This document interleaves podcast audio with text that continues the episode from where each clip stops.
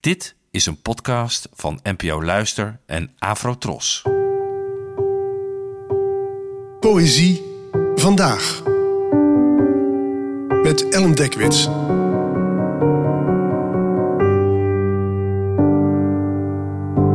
Hallo, fijn dat je luistert. Vandaag zal ik fragmenten voorlezen uit een heel lang gedicht, het Gilgamesh-epos. En de auteur, of waarschijnlijker nog de auteurs, zijn onbekend. En dit epos ontstond waarschijnlijk in Sumer, rond 2100 voor Christus, in het zuiden van Mesopotamië. En gewoonlijk lees ik in een aflevering eerst het gedicht voor en duid ik het daarna, maar ik wil eerst even wat achtergrondinformatie geven. Het Gilgamesh-epos is een heldendicht, een verhalend vers waarin poëtische beelden over het leven en de avonturen van de mythische koning Gilgamesh wordt verteld.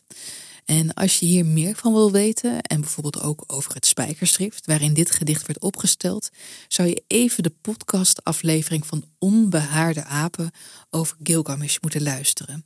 Maar voor de fragmenten die je zo zult horen, volstaat deze inleiding. In het epos verliest Gilgamesh op een gegeven moment zijn beste vriend Enkidu en gaat hij piekeren over sterfelijkheid.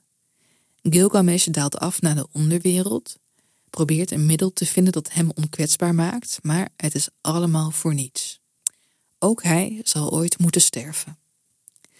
Ik heb hieronder een aantal van mijn lievelingsregels uit de tekst aangehaald, vertaald door George Smith en mij. En je kan het hele gedicht in het Engels online vinden of in een hele mooie Nederlandse versie van Atheneum.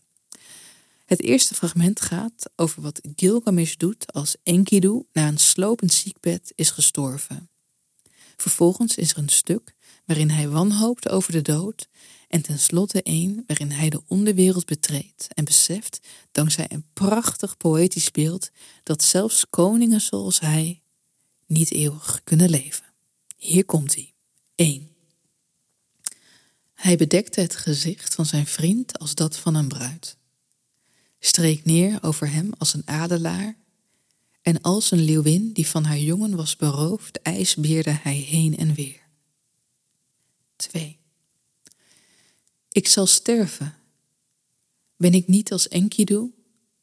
Diep verdriet dringt in mijn binnenste. Ik vrees de dood en nu dwaal ik in het duister. Hoe kan ik zwijgen? Hoe kan ik stil zijn? De vriend die ik lief had, is veranderd in leem.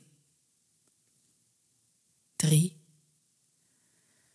Hij ging naar het huis waar zij verblijven zonder licht, waar slijk hun drank is en klei hun voedsel, waar, zoals vogels, ze kleding dragen van veren, en er kan geen licht worden gezien.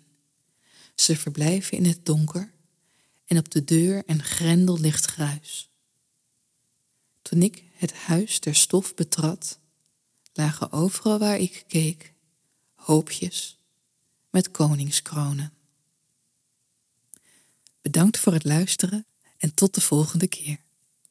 Afro Tros, de omroep voor ons.